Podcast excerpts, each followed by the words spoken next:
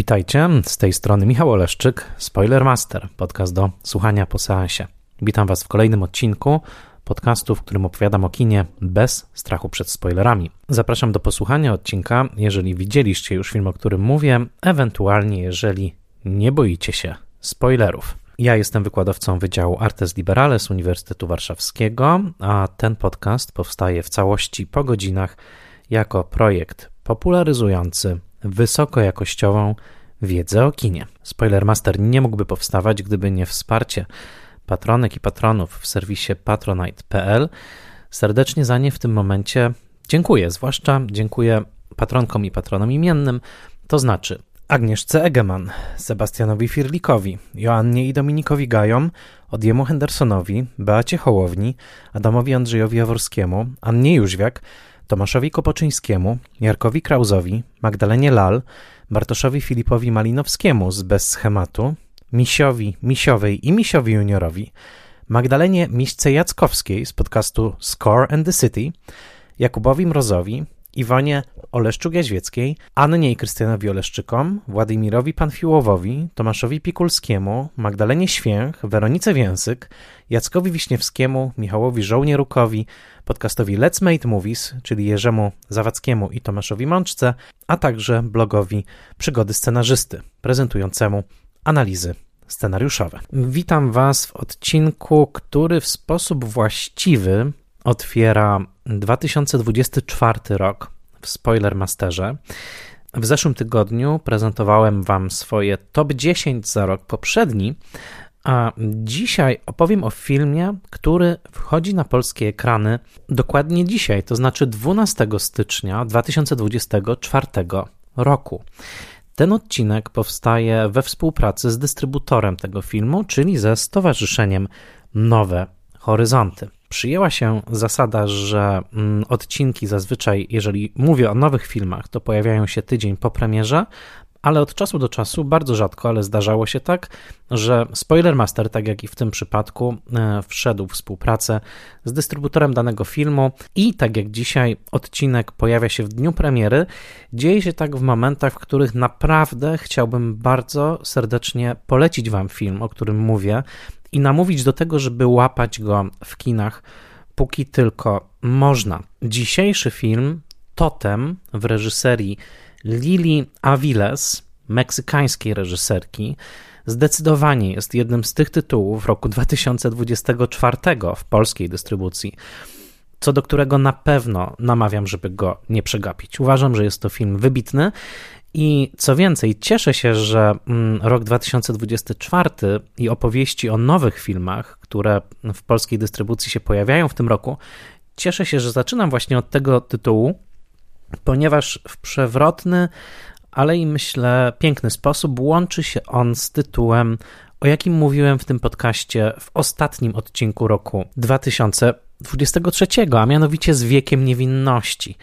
Tytuł Wiek Niewinności, tytuł filmu Martina Scorsese'ego opartego na prozie Edith Wharton, odnosił się do czasu przeszłego, do czasu, który dla Edith Wharton, piszącej książkę, był czasem dzieciństwa, czasem sprzed naruszenia tytułowego stanu niewinności. Oczywiście tytuł był trochę ironiczny. Ostatni odcinek z serii Classic, myślę, pokazał to dosyć dobitnie, ale tak się składa, że w filmie dzisiejszym reżyserka Lila Aviles także zanurza się w świat dzieciństwa, w świat dzieciństwa jednej konkretnej dziewczynki, ale w tym świecie, jak w kropli, odbija się całe uniwersum otaczające tę bohaterkę. Bohaterka nazywa się Sol. W języku hiszpańskim to słowo oznacza słońce, i takim właśnie słońcem, wokół którego krąży uniwersum tego bardzo niezwykłego, powtórzę, filmu, takim słońcem jest tytułowa Sol. Nawet w jednym z dialogów jest gra e, słów na temat imienia głównej bohaterki, kiedy to pielęgniarka zatrudniona do opieki nad ojcem dziewczynki e, zwraca się do niej mówiąc wyjdź na słońce, sol. I to słowo sol pada tam dwa razy. Cofniemy się dzisiaj z Lilą Aviles właśnie do tego stanu dzieciństwa, do tego jak siedmioletnia dziewczynka doświadcza świata. Opowiem wam trochę więcej o reżyserce, ale przede wszystkim chciałbym się dzisiaj wgryźć w nieprawdopodobnie bogatą teksturę tego filmu, jakim jest Totem. Jest to seans bardzo poruszający, bardzo zmysłowy, bardzo intuicyjny, pełen emocji. Nie jest to film opowiedziany klasycznie, ale jest to film, którego absolutnie nie należy się bać, bo nie jest to film, który by stanowił wyzwanie dla widza, nie jest to film, który mnożyłby przeszkody przed widzem, przeszkody odbiorcze, tylko raczej jest to film, który od pierwszego ujęcia i to na poziomie bardzo intymnym zaprasza nas, abyśmy dzielili z bohaterami najintymniejsze przestrzenie i momenty. Za chwilę o tym jeszcze powiem, ale pierwsza rzecz, o jakiej właśnie chciałem wspomnieć, opowiadając o filmie Totem, to jest to, żebyście po prostu dali się zaprosić do tego świata, bo mm, reżyserka Aviles pokazuje tutaj tak niesamowity talent, tak wspaniałą technikę pracy i z aktorami, i z operatorem, i ze swoim montażystą, mm, który tutaj naprawdę wykonał też wspaniałą robotę uspójniając świat tego filmu, że ja nie mam żadnych wątpliwości, że mamy oto przed nami nową, wspaniałą reżyserkę kina światowego i tak jak w zeszłym roku wysokie miejsce na mojej liście zajął film After Sun w reżyserii Charlotte Wells, tak i tutaj myślę, że możemy mówić o e, kolejnej już reżyserce nowego światowego kina, która zagłębia się w światy bardzo prywatne, bardzo intymne, jednocześnie portretując na ekranie małą dziewczynkę i jej relację z ojcem, ponieważ tak jak After Sun był poświęcony tej relacji, tak i kluczową relacją w totemie jest właśnie relacja Sol z jej ojcem o imieniu Tona, w tej roli Mateo Garcia. O tej relacji także dzisiaj więcej powiem i o tym, jak film ciekawie ją rozgrywa, łącząc realizm przedstawienia oparty na gromadzeniu malutkich skrawków, mikroobserwacji obyczajowych i w jaki sposób film wspiera się na tych skrawkach, na tych mikroobserwacjach i osiąga coś znacznie, znacznie więcej. Ośmielę się powiedzieć, że osiąga rodzaj metafizycznej zadumy nad tym, czym jest życie, czym jest śmierć, czym jest młodość, czym jest choroba, ale także czym jest dom ponieważ sama reżyserka, kiedy prezentowała ten film na festiwalu New Films, New Directors w Nowym Jorku w zeszłym roku, a materiał ze spotkania z nią jest do obejrzenia na YouTubie, mówiła, że wszystko dla niej, cały proces pracy nad tym filmem zaczął się właśnie od zastanowienia nad tym, czym jest dom, czym jest zjawisko domu, fizycznego budynku, ale także pewnego uczucia, pewnej naszej relacji do miejsca, ale także do pewnej sytuacji, którą możemy określić jako dom, właśnie. Jak sama Aviles mówi w tym wywiadzie przeprowadzonym w Film Society of Lincoln Center, dla bezdomnego gazeta, która go przykrywa na noc, jest także domem. I od tej refleksji zaczęła się praca Lili Aviles nad scenariuszem tego filmu. A zatem zaczynam od szczerego zachwytu. Uważam, że film jest przepiękny. Nie mam żadnych wątpliwości, że kiedy za rok będę układał listę najlepszych filmów 2024 roku w polskiej dystrybucji, no to musiałaby być bardzo, bardzo ostra i zacięta konkurencja, żeby ten film się na tę listę nie dostał, bo jest to film w moim przekonaniu naprawdę niezwykły. A zatem dzisiaj o Totemie. Bohaterką totemu jest siedmioletnia dziewczynka imieniem Sol, jak już wspomniałem, a intymna sytuacja, w której ją poznajemy na samym początku filmu, rozgrywa się w toalecie. Jesteśmy być może na stacji benzynowej, gdzieś w drodze.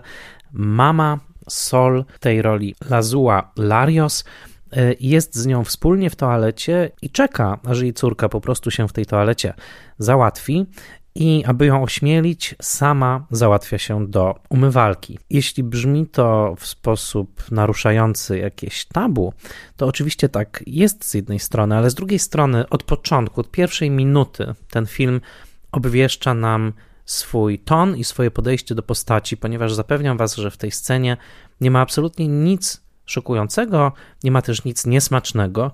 Jest to scena oparta na absolutnej bliskości mamy i córki. Na absolutnym dzieleniu e, tej intymnej oczywiście czynności, ale w takim poczuciu pełnego bezpieczeństwa, a każdy, kto zajmował się chociażby trochę małym dzieckiem, a rodzice zdecydowanie to już na pewno o tym wiedzą, że takie wspólne momenty właśnie w toalecie, także przyuczanie do korzystania z niej i tak dalej, to jest też taka przestrzeń, czasami bardzo trudna, mm, związana z wieloma stresami dla dziecka, ale też taka, w której mm, taki rodzaj bliskości się wytwarza i jest aktem wielkiej brawury, że film Totem zaczyna się od właśnie takiej sceny, ponieważ takiej sceny, szczerze mówiąc, jeszcze w filmie chyba w ogóle nie widziałem. Tak naturalnie rozegranej, tak ciepło, tak zwyczajnie, bo jest to po prostu codzienna, zwyczajna y, czynność. I y, od tego zaczynamy. Wiemy, że jesteśmy w drodze. W tej toalecie mała Sol przymierza także perukę. Y, perukę, która jest w zasadzie takim balowym, tęczowym afro. To taka peruka, która wygląda jak eksplozja strokatych sprężynek. Wiemy, zaczynamy się domyślać, że chyba kobiety, młodsza i starsza, jadą na jakąś imprezę. Później w samochodzie widzimy także balony, zabawki.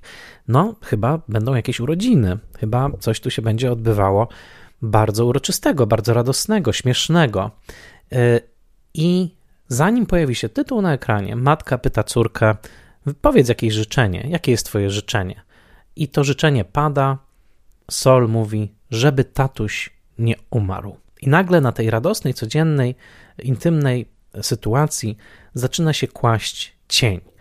Cień śmierci, cień choroby, ponieważ mała Sol i jej mama jadą właśnie na urodzinową imprezę Tomy, czyli ojca e, małej dziewczynki, ale jest to bardzo szczególna impreza. Impreza rozgrywająca się w domu rodzinnym. Chwilę później poznamy dwie ciotki mm, głównej mm, bohaterki, y, czyli Alejandrę w tej roli Marisol Gasset, którą poznajemy od tego, że ona farbuje sobie włosy nad zlewem, a także Nurię w tej roli Montserrat Maragnon, krótko przystrzyżoną, która przygotowuje ciasto.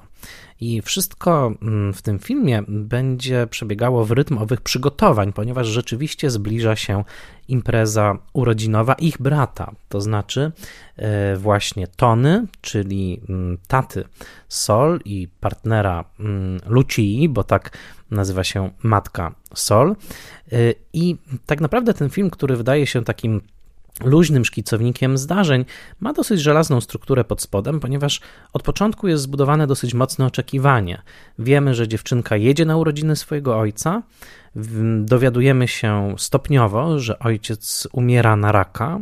To jest choroba, która także zabrała jego matkę, i obserwujemy wdowca, czyli ojca Tony, e, psychoanalityka, który przygotowuje dla syna prezent w postaci drzewka bonsai, w przerwie przyjmuje swoich klientów jako psychoterapeuta. I wszystko rozgrywa się wokół tych przygotowań.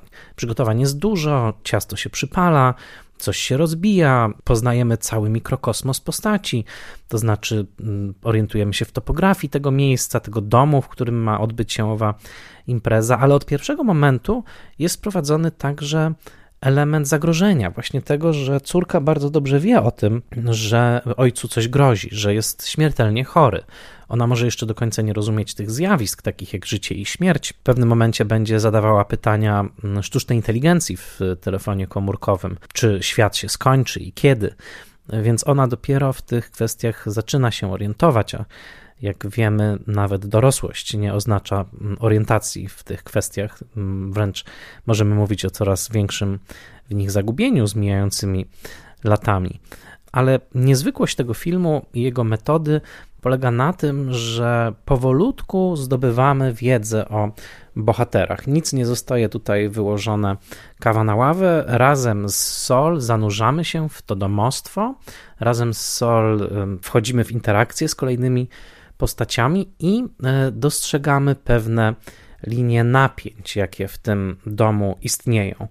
Mm, te linie to oczywiście kwestia choroby, ale to także kwestia pieniędzy, tego, że te pieniądze się kończą, kwestia tego, co będzie dalej, wisi trochę w powietrzu i tak dalej, i tak dalej. Tego wszystkiego jest dużo, ale dramaturgicznie najważniejszą kwestią jest to, że Sol, która tak bardzo chciałaby tatę zobaczyć, cały czas jest przed tym powstrzymywana. E, mówi się jej, że tata jeszcze nie jest gotowy. My obserwujemy te przygotowania, obserwujemy zabiegi, jakie pielęgniarka Cruz wykonuje. Ona pełni takie także funkcje służącej w tym domu.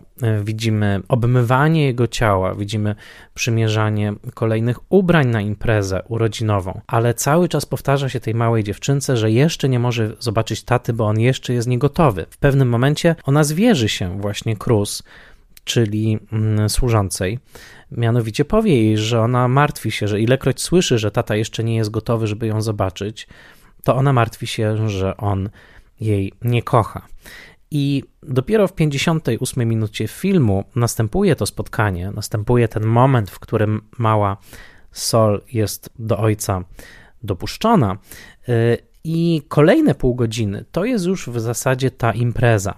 Impreza urodzinowa, ale impreza bardzo niezwykła, ponieważ możemy mówić w tym przypadku jednocześnie o urodzinach, no i o rodzaju stypy, ponieważ y, zdrowie Tony jest w tym momencie już tak słabe, że nie ma żadnych wątpliwości, on i wszyscy tam zebrani, że w zasadzie jest to pożegnanie z Toną, a zatem mamy taką szczególną sytuację celebrowania urodzin z jednoczesnym przyznaniem, że zbieramy się tutaj, ponieważ tych następnych urodzin może już może już nie być. Wiemy z wielu filmów także, że w kulturze meksykańskiej mm, te elementy śmierci i celebrowania życia są dosyć blisko ze sobą połączone. Widzieliśmy już filmy, w których chociażby święto zmarłych było na różne sposoby pokazywane, czy to będzie pod wulkanem Johna Hustona, czy nawet pixarowski Coco. Natomiast w tym filmie rzeczywiście jest tak, że ta przedziwna impreza rozgrywająca się na wolnym powietrzu pod osłoną nocy jest taką celebracją życia Tony w pełni świadomości jego odchodzenia, ale jest to celebracja, która bynajmniej nie przynosi wszystkim uczestnikom ukojenia. Jest tam cały czas bardzo dużo niepokoju pod spodem. Mm, Nuria upija się, martwi się o pieniądze, Alejandra się z nią kłóci, różne osoby wyrzucają sobie różne rzeczy za kulisami i nie ma zgody w tej rodzinie co do tego, jak podchodzić do tego odchodzenia Tony. Nie ma zgody w tej rodzinie co do tego, jak podchodzić do przeszłości, teraźniejszości i przyszłości tej rodziny. Raczej wszystko to trzeszczy w szwach, chyłkiem wyprzedawane są, czy właściwie wywożone obrazy Tony, który jest malarzem, artystą. Mówi się o jego niezgodzie na chemioterapię. W pewnym momencie pojawia się także wujek. Mm, zaczynają się spory co do przyszłej mm, strategii, także finansowej, radzenia sobie z tą całą sytuacją. Czujemy, że z jednej strony ten organizm, jaki na ekranie widać, czyli ta rodzina, na jaki sposób działa, funkcjonuje, ale widzimy także, że jest tam tak dużo napięć i tak dużo niewypowiedzianych słów, że bardzo możliwe, że oglądamy tę rodzinę w stanie jakiegoś głębokiego e, kryzysu. Wszystko to jest, jak już wspomniałem, zszyte z mikro detali i mikroobserwacji. Wielką zasługą reżyserki i scenarzystki tego filmu, czyli właśnie Lili Aviles, jest to, że przez całe 95 minut seansu ani razu nie zakwestionowałem autentyczności tego, co widzę. To jest naprawdę niesamowite, w jakim stopniu ta reżyserka, która w QA, o którym już wspomniałem, w tej sesji pytań i odpowiedzi, ujawniła się jako postać niebywale słoneczna, radosna, mm, ale też bardzo głęboka, taka troszkę młodsza i bardziej uśmiechnięta Lucrecja Martel, tak bym ją troszkę określił, że ona wytworzyła taki rodzaj porozumienia ze swoimi aktorami, ze swoim operatorem i ze swoim montażystą. Podkreślam tutaj rolę montażysty, czyli Omara Guzmana, bo montował on także poprzedni film e, reżyserki, o którym zaraz powiem. Mm, te współprace reżyser-montażysta często trwają najdłużej w karierach, to też jest interesujące. Jeśli raz się reżyser dogada z montażystą, to potem często już e, e, zostają na, długo, na długie, długie lata w twórczym tandemie. E, otóż w Totemie mm, Lilia Aviles stworzyła kompletny świat, kompletny świat tej rodziny, tego domu, e, no i oczywiście kompletny świat wewnętrzny e, głównej bohaterki, czyli dziewczynki imieniem Sol. I jest to zdumiewające u reżyserki, która w tym momencie, w tym roku 2024 będzie kończyła 42 lata, mm, a jednocześnie mam wrażenie, że obcujemy z poziomem mistrzowskim rzemiosła i tego, jak ten świat na ekranie jest tworzony i chcę to bardzo mocno podkreślić. I to jest może dobry moment, żeby zakorzenić ten film także w jej e, wcześniejszej twórczości, zanim wrócę do, jeszcze do pewnych e, motywów, które w tym filmie wydają mi się ciekawe i do takich formalnych rozwiązań, które mnie w nim bardzo, bardzo zachwyciły. Otóż Lila Aviles mm, uwagę międzynarodowej krytyki zwróciła na siebie po raz pierwszy w roku 2018 i to w dosyć ciekawym kontekście. Wtedy to na festiwalu filmowym w Toronto ona pokazała swój film pod tytułem Pokojówka. Mm, to jest film, który ja dopiero później obejrzałem na brytyjskiej płycie DVD, którą kupiłem z drugiej ręki na używanym Amazonie. Mm, otóż w tym, wtedy na festiwalu w Toronto ona pokazała ten bardzo ciekawy film, w którym obserwujemy tytułową pokojówkę mm, w takim luksusowym hotelu w Mexico City. E, Lila Aviles przyszła na świat w Mexico City w 1982 roku, jest moją równolatką. Y, I, mm, no i tam też kręci, tam, tam pracuje. Y, bohaterką pokojówki jest tytułowa kobieta, która sprząta pokoje w tym dużym hotelu, i cały film jest nakręcony z jej perspektywy. Pojawia się tam wątek możliwego awansu, pojawia się wątek pozostawionej eleganckiej sukni jednej z klientek, która być może Y, zostanie legalnie przekazana w ręce naszej bohaterki. Pojawia się także wątek erotyczny, ale film najbardziej zwraca uwagę na siebie y, od strony narracyjnej i tego, że reżyserka y, razem ze swoim operatorem, a zdjęcia w tym filmie robił Carlos F. Rossini i montażystą, tutaj już wspomniany Omar E, Guzman. E, otóż, że ona wszystko przefiltrowuje w tym filmie właśnie przez subiektywność e, głównej bohaterki. Innymi słowy, nawet jeżeli bywaliśmy w różnych hotelach w naszym życiu, to nigdy nie widzieliśmy go oczyma właśnie osób tam sprzątających. I w filmie Pokojówka następuje właśnie to odwrócenie spojrzenia, ponieważ nagle patrzymy na przedmioty pozostawiane w pokojach, porządkowane, czasem wyrzucane, przez tytułową pokojówkę, jako na ślady tych różnych linii życia, których siłą rzeczy dotyka główna bohaterka, ilekroć wchodzi do tej przestrzeni chwilowo zawłaszczonej przez kolejnych gości. Ktokolwiek czytał opowiadania przepiękne amerykańskiej pisarki Lucii Berlin w tomie Instrukcja dla pań sprzątających, ten wie, jak dużo o właścicielach przedmiotów, a nawet o tych, którzy nie swoje przedmioty wprawiają e, w rozgardiaż, jest w stanie powiedzieć właśnie pokojówka, ktoś, kto te przedmioty sprząta, kto ich dotyka, kto chcąc nie chcąc wchodzi w świat intymnych przesunięć, intymnych e, wyborów i także bardzo zindywidualizowanego sposobu, w jaki robimy bałagan. To wszystko na język filmowy bardzo naprawdę pięknie przetłumaczyła w swoim filmie z roku 2018 właśnie Lila Aviles. I dlaczego powiedziałem o tym, że premiera filmu była ciekawym zrządzeniem losu? Otóż w tym samym 2018 roku na festiwalu w Toronto światową premierę miał film Alfonso Cuarona, słynnego meksykańskiego reżysera, czyli krajana Lili Aviles, pod tytułem Roma. Jak wiemy, Roma później doczeka się Oscarowej chwały i słusznie, i był to film także poświęcony postaci służącej, postaci pomocy domowej. I E, o ile tam najważniejsza była relacja z państwem, którzy ją zatrudniali, co zresztą także niektórzy zarzucali Quaronowi, jako że jest to spojrzenie takiego uprzywilejowanego chłopca, który po latach rzewnie wspomina swoją służącą o złotym sercu, to w tym przypadku mamy całkowite rzeczywiście za, mm, zanurzenie u Lili Aviles w subiektywność tej konkretnej mm, kobiety i nie mamy tego sentymentalizmu e, w spojrzeniu na nią jako na tą, która także poświęca się, prawda, jak w ostatniej scenie Romy, e, dla tej bogatszej rodziny, mm, ratując ich dziecko w morzu. E, to jest ta słynna scena, kiedy oni się przytulają, trafiła nawet na plakat. To jest zupełnie inne spojrzenie na ten sam problem na ten sam świat, czyli tej niewidzialnej pracy, można powiedzieć. E, niewidzialnej pracy kobiet w tym momencie, niewidzialnej pracy kobiet sprzątających. Mm, to, co tak wspaniale opisywała Lucia Berlin, ale co także przedostało się do takiego klasyka brytyjskiego dokumentu, czyli filmu The Night Cleaners z 1975 roku, poświęconego właśnie tym kobietom, które e, nocami sprzątają londyńskie biura. E, I tamten film e, spotkał się na tym samym festiwalowym ekranie z filmem Quarona, no ale Quaron był wtedy już utytułowanym Oscarowym twórcą, pracującym z wielkimi budżetami i, i, i, film doczekał się, no tak jak mówię, Oscarowego nawet uznania, pokonując zimną wojnę Pawła Pawlikowskiego między innymi.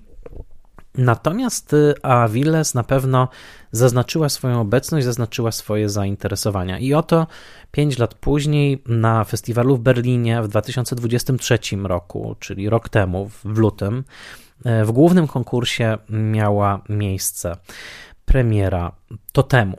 Operator się zmienił, tym razem był nim Diego Tenorio, ale jak wspomniałem, jest ten sam montażysta Omar Guzman i wydaje mi się, że jeśli możemy mówić o jakimś patronie artystycznym tego filmu, nawet nieoficjalnym, to trzeba wspomnieć o e, bohaterce jednego z odcinków Spoilermastera, czyli o Lucrecji Martel.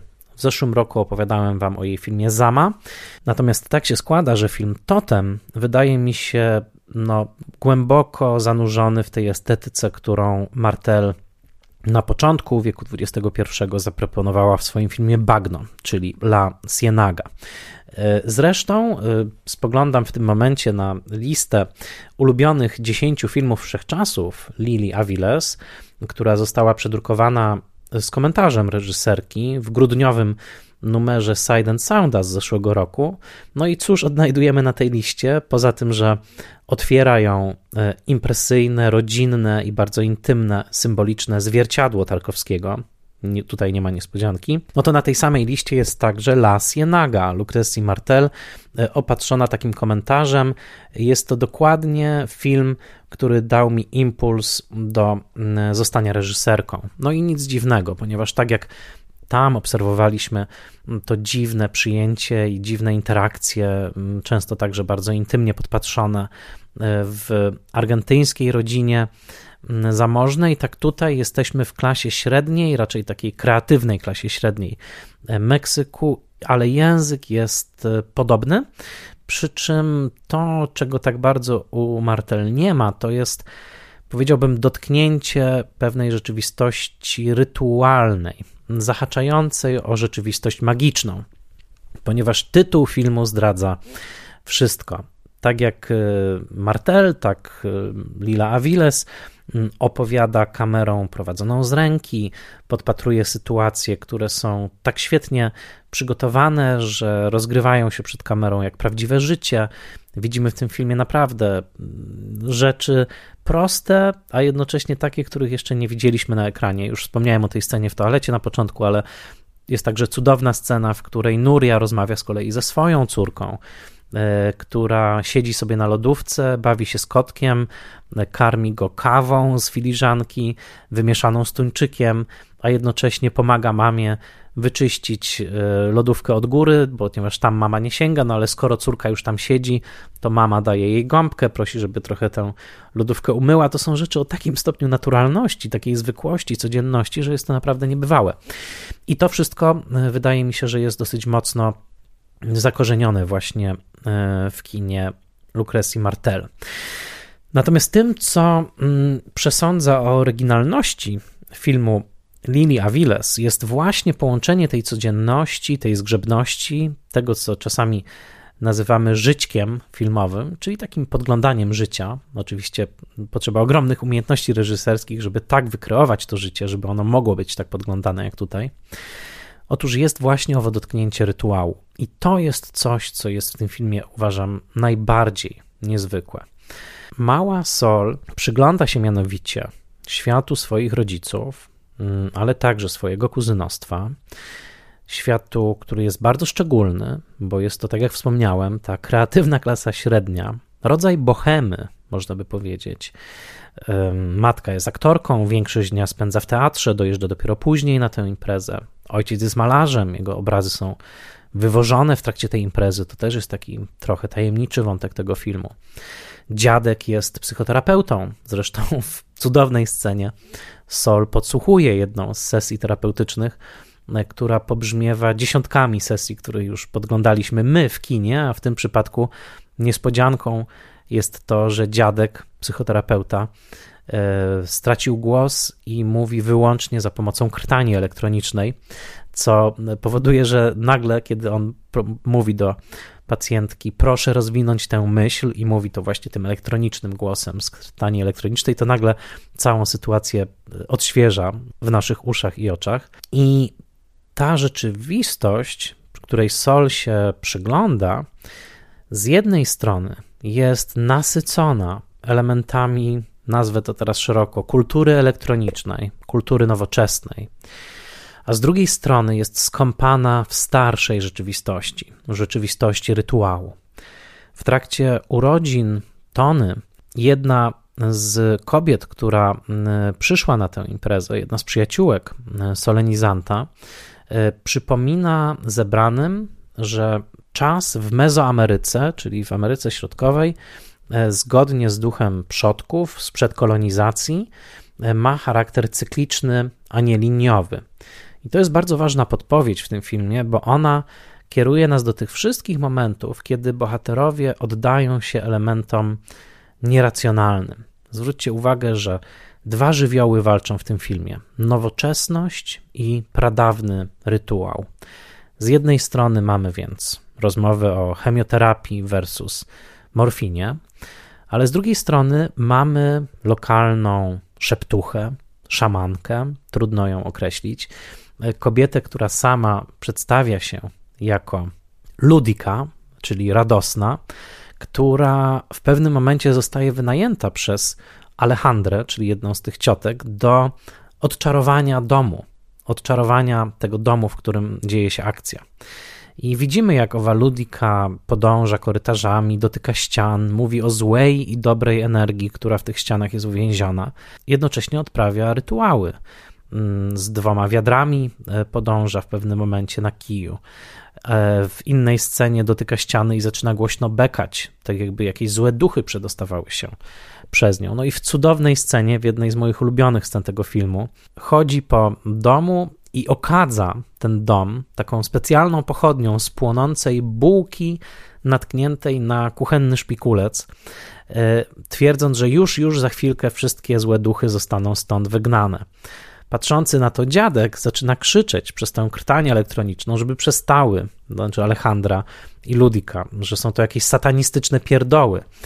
E, I tutaj też widzimy ten świetny kontrast, prawda? Dziadek jest psychoanalitykiem, reprezentantem postfreudowskiej rewolucji, gdzie wszystko, co w naszej duszy gra, można wyjaśnić za pomocą terapeutycznego języka, za pomocą kolejnych pytań o to, żeby pacjent rozwinął, żeby opowiedział jeszcze bardziej szczegółowo, jak się czuje i tak dalej. Ale z drugiej strony mamy właśnie te starsze wierzenia, te wierzenia, które ten porządek kosmiczny, w którym to nie jest tak, że możemy koniecznie sami siebie wiedzą na swój temat zbawić, tylko że potrzebujemy czegoś z zewnątrz, potrzebujemy jakiejś transcendencji, potrzebujemy jakiegoś, jakiejś pomocy duchowej, a może potrzebujemy też przegnać jakieś złe duchy, które się za nami ciągną. I jeśli dostrzeżemy mm, tę różnicę, to zobaczymy, że cały film jest nią przeniknięty, ponieważ moglibyśmy wręcz sporządzić takie dwie kolumny.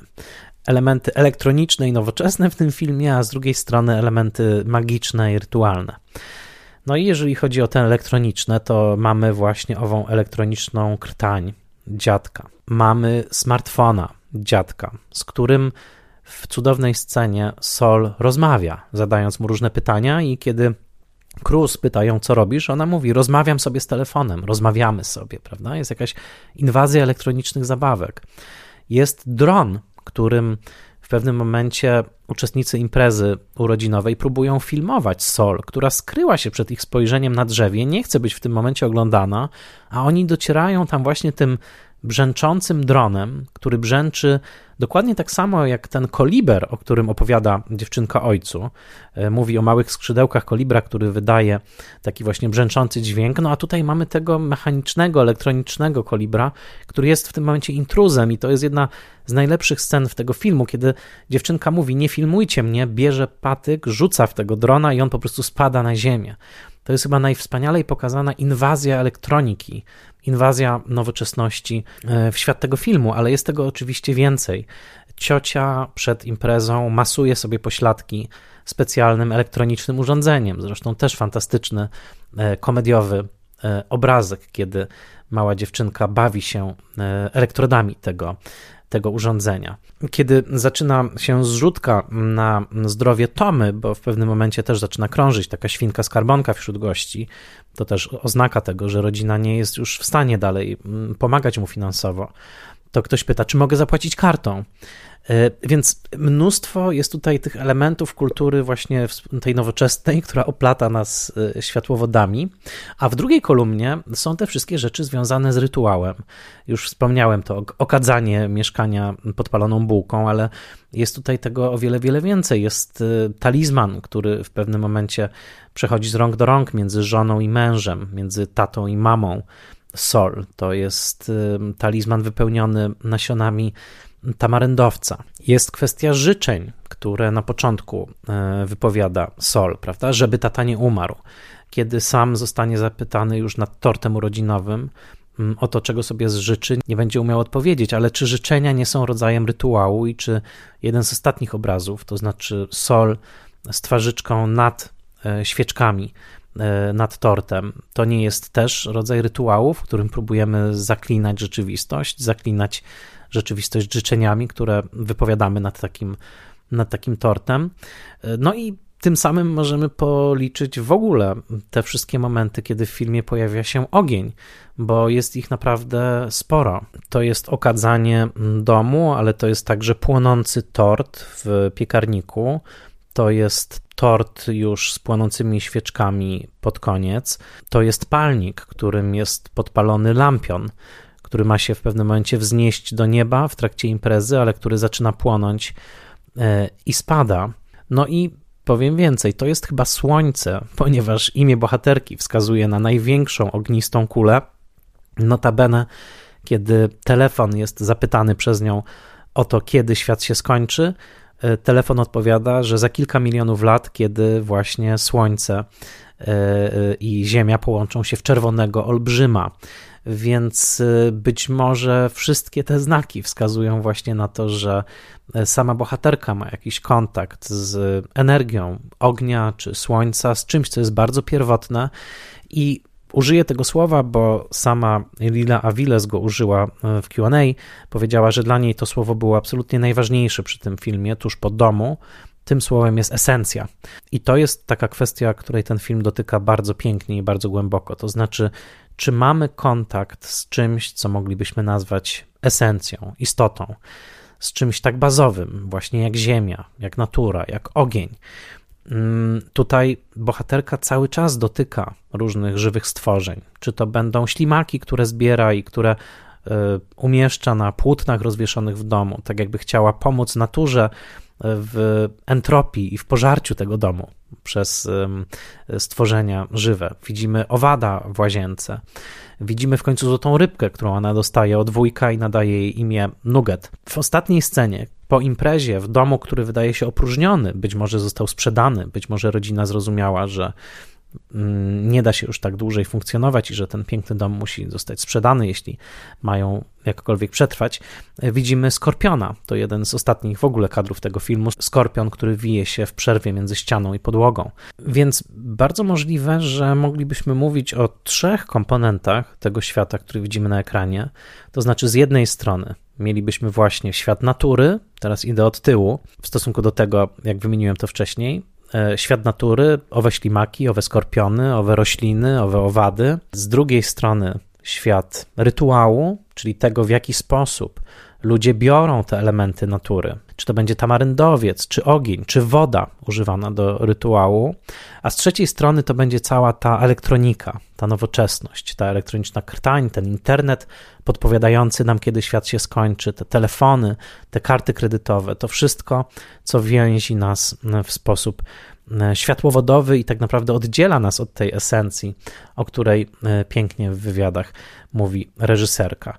I zwróćmy uwagę, że jeden z najpiękniejszych gestów tego filmu i taki powracający wątek, kto wie, czy nie najbardziej uparcie, to prezent ojca dla syna, bo dziadek przez cały film przygotowuje drzewko bonsai dla syna i przekazuje mu jako prezent. To y, drzewko jest umieszczone w doniczce należącej do nieżyjącej matki Tony i to drzewko bonsai, taki symbol natury ujarzmionej, natury uformowanej jakoś przez człowieka, ale także pięknie kultywowanej, y, wydaje się tutaj czymś bardzo mocnym, y, wydaje się także czymś, co wychyla się w stronę jakiejś wieczności, bo drzewo żyje o wiele, wiele dłużej niż człowiek, i wydaje się, że ten ojciec przekazujący śmiertelnie choremu synowi mm, drzewko w doniczce po matce to taki piękny symbol próby dotknięcia czegoś jednocześnie żywego i jednocześnie e, wiecznego, czegoś, co jest w stanie e, przetrwać o wiele, wiele dłużej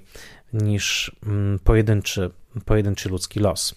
Zresztą już w pierwszej scenie z tym drzewkiem bonsai, bo mm, pojawia się ono tuż po tytule tego filmu, widzimy właśnie dziadka, który przygotowuje to drzewko i nagle przylatuje czarny kruk, e, czy przynajmniej czarny ptak, taki trochę symbolizujący śmierć, troszkę jak w czasie Krwawego Księżyca, sowa e, u Martina Scorsese'ego i dziadek patrzy na tego czarnego ptaka z takim, z takim niepokojem I, i ten kruk także sprawił, że gdybym miał a nadać temu filmowi jakiś alternatywny tytuł. Słuchajcie, moja kotka, muszę to powiedzieć, tak bardzo, bardzo się zainteresowała to temem, że ułożyła się tutaj pomiędzy moimi wszystkimi notatkami i po prostu tak bardzo się w nich rozgościła, tak cudownie mruczy, że musicie to usłyszeć.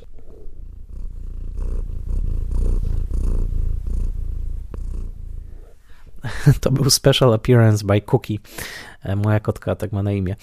E, wracam. A gdybym miał nadać alternatywny tytuł, to oczywiście nazwałbym Cookie. Nie, żartuję. To nazwałbym film Śmierć i dziewczynka. E, I, bo to jest właśnie o Sol, która na, na swój sposób spotyka się z umieraniem, z przemijalnością.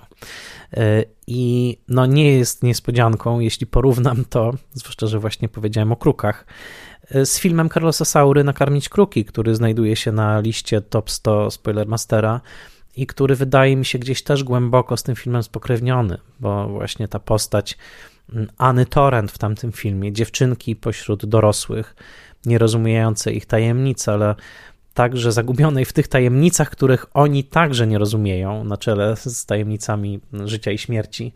E, to jest coś, co mi się mocno skojarzyło z tym cudownym filmem, jakim Totem jest i w naturalny sposób także wymieniłbym Duch Roju, Wiktora mm, Ericze, to, to kolejne skojarzenie, ale także na pewno powiedziałbym okresie długiego dnia Terensa Davisa, e, bo wydaje mi się, że Totem jest filmem pokrewnym w prezentowaniu właśnie świata przefiltrowanego przez świadomość dziecka, które jednocześnie zdobywa świadomość śmierci, tak bym to określił. No i kulminacja filmu, absolutna scena, dla której wydaje mi się ten film powstał, to jest scena, w której matka i córka, e, to znaczy Sol i jej mama, jednoczą się w występie przed Tomą.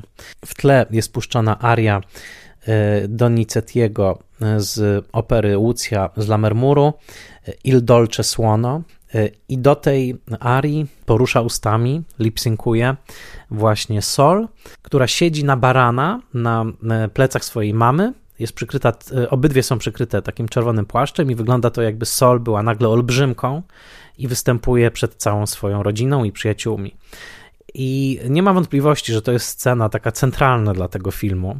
Tak jest sfilmowana, takie jest jej miejsce. Widzimy też ogromne wzruszenie ojca, który patrzy na swoje dziecko. Trochę mi się to skojarzyło z tą cudowną sceną rodzinnego występu Tutti i Esther w Spotkajmy się w St. Louis Vincenta Minellego. No i oczywiście naturalne skojarzenie ze sceną, która nawiązywała do tamtej właśnie w Kresie Długiego Dnia Davisa, kiedy Bud i jego siostra e, także występują przed rodziną. I, I to jest taka scena, w której mam wrażenie, wszystko się spotyka. To znaczy osobowość tej dziewczynki, sztuka, e, rytuał e, i mm, relacja, bo w tym filmie pod spodem najważniejsza jest relacja tego trójkąta. Córka i jej rodzice. Moment, w którym ona zaczyna się spontanicznie uśmiechać, nie śmiać, tylko uśmiechać w takim błogim ukontentowaniu, to jest kiedy już ta pierwsza godzina filmu mija i ona po raz pierwszy widzi swoich rodziców razem. My do końca nie rozumiemy, jaka jest ich relacja, nie wiemy, czy oni mieszkają razem, czy nie.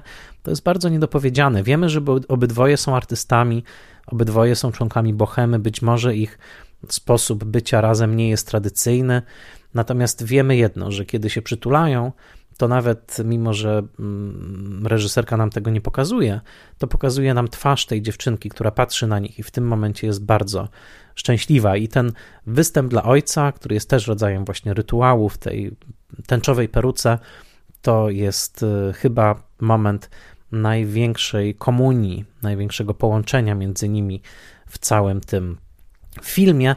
Bo jak już zdążyliśmy zauważyć, jest to dom artystów, y, malarzy, aktorów i nie tylko. I wydaje się, że rodzaj tego artystycznego właśnie występu jest rodzajem międzypokoleniowego porozumienia. Kto wie także, czy nie jest nawiązaniem do czerwonego olbrzyma, którego nadejście za miliony lat zwiastowała sztuczna inteligencja w smartfonie dziadka, wieszcząc odległy, ale jednak koniec świata. W końcu Sol nosi imię takie jak Słońce, a w tej scenie jest właśnie olbrzymem odzianym w czerwone szaty, więc kto wie, czy w tym wręcz przeestetyzowanym domu, w którym, jak mówi szeptucha, jest za dużo obrazów, w którym nawet na torcie urodzinowym zostaje odmalowana gwiaździsta noc Van Gogha, w którym goście e, przyjęcia tony czują się zobowiązani do wykonania performance'u i założenia masek przedstawiających twarz gospodarza. Kto wie, czy w tym przeestetyzowanym domu, w którym z jednej strony mamy właśnie język sztuki, język psychoanalizy, z drugiej strony język pradawnych rytuałów i rytuałów nowoczesnych, takich jak terapia kwantowa, obecna w jednym momencie. Kto wie, czy w tym domu w postaci Sol nie rodzi się jakaś nowa postać, nowa energia, może to właśnie Sol jest tą prawdziwą szamanką, która odprawi jakiś rytuał w tej rzeczywistości. Może nawet odprawia go w scenie śpiewu. To domysły, to błądzenie w labiryncie mm, reżyserki, ale myślę, że nieprzypadkowo te różne puzzle tak się ze sobą składają i myślę także notabene, że nieprzypadkowo w tym filmie brakuje pewnego ogniwa, które może ko kojarzymy z Meksykiem jego kulturą, to znaczy brakuje mm, elementów chrześcijańskiej ikonografii. Jest ta właśnie e, pradawna, mm, mezoamerykańska, e, są rytuały około pogańskie, jest współczesny język psychoanalizy i sztuki, i samoświadomości, mm, ale chrześcijaństwa tutaj tutaj nie ma. I to też jest ciekawe pokazanie tej wyrwy w tej e, średniej kreatywnej klasie, e, którą obserwujemy na ekranie, że ona wydaje się zawieszona pomiędzy nowoczesnością e, a najgłębszą przeszłością. Natomiast wydaje się, że ten język religii no, także kolonizatorów tego, tego miejsca jest w znaczący sposób nieobecny i stąd być może obecność totemów wymalowanych, które pojawiają się w napisach końcowych tego filmu. Warto zostać, żeby tym obrazkom się także e, przyjrzeć. Wydaje mi się, że dla całości ma także znaczenie bardzo prosty fakt, to znaczy taki, że Lila Aviles jest także mamą. E, w momencie premiery nowojorskiej tego filmu jej córka była starsza już niż Sol, bo miała lat 16, czyli Lila Aviles urodziła ją jakoś tuż po 20 roku życia. E, I co ciekawe, jeżeli zostaniecie, a namawiam do tego, żebyście zostali na napisach końcowych filmu Totem, to usłyszycie głos córki Lily Aviles, ponieważ właśnie w drugiej części napisów słyszymy w tle nagrania córki e, i także matki, i to są prawdziwe głosy nagrane na taśmie reżyserki i jej córki. Także jest to też taki stempelek autentyczności i na pewno mm, rzecz, która świadczy o bardzo osobistym charakterze tego filmu, bo myślę, że w pełnym tego słowa znaczeniu jest to film mm, matki, która kontempluje bycie kobietą, bycie córką, bycie także małą dziewczynką. Y, I jest to jeden z najpiękniejszych filmów, jakie widziałem w ostatnich latach, właśnie o tej relacji pomiędzy córką i ojcem. Y, w tym sensie jest to idealny materiał na podwójny seans z filmem After Sun i bardzo Was być może nawet do takiego mm, seansu e, po prostu namawiam. Na pewno jest to film wielowarstwowy i film, do którego warto by wracać od czasu do czasu.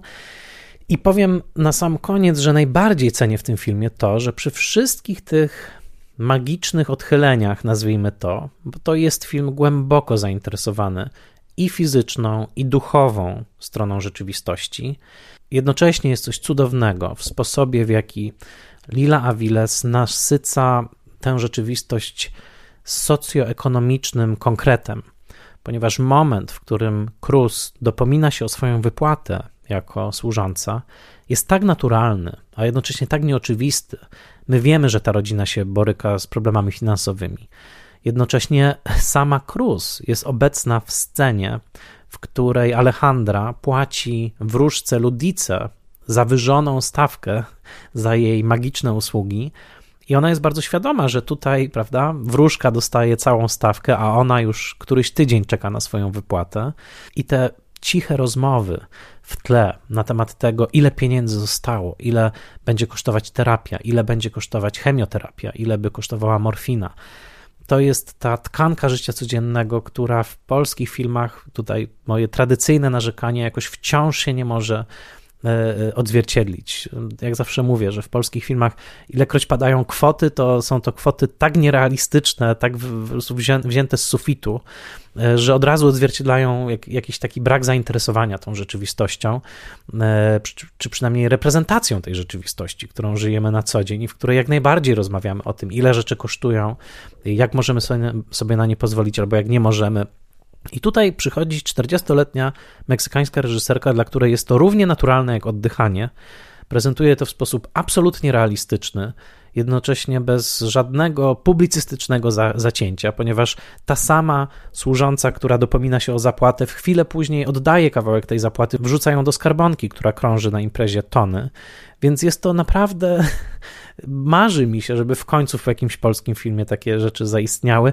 I szczerze mówiąc, z jedną polską reżyserką totem mi się skojarzył, bo wydaje mi się, że Jagoda Szelc jest dokładnie tą polską reżyserką. Mówię głównie na podstawie jej pierwszego filmu, czyli Wieży Jasnego Dnia, która mogłaby zrobić taki film w Polsce. I zresztą myślę, że Wieża była trochę takim filmem. Mija już kilka lat od premiery, ale ja naprawdę bardzo wierzę i bardzo trzymam kciuki, żeby Jagoda Szelc zrobiła kolejny film eksplorujący no to, w czym się okazała tak świetna w tym filmie pierwszym, czyli z jednej strony oworodzinne, codzienne żyćko, a z drugiej strony coś więcej, coś, co się rozgrywa pod podszewką rzeczywistości.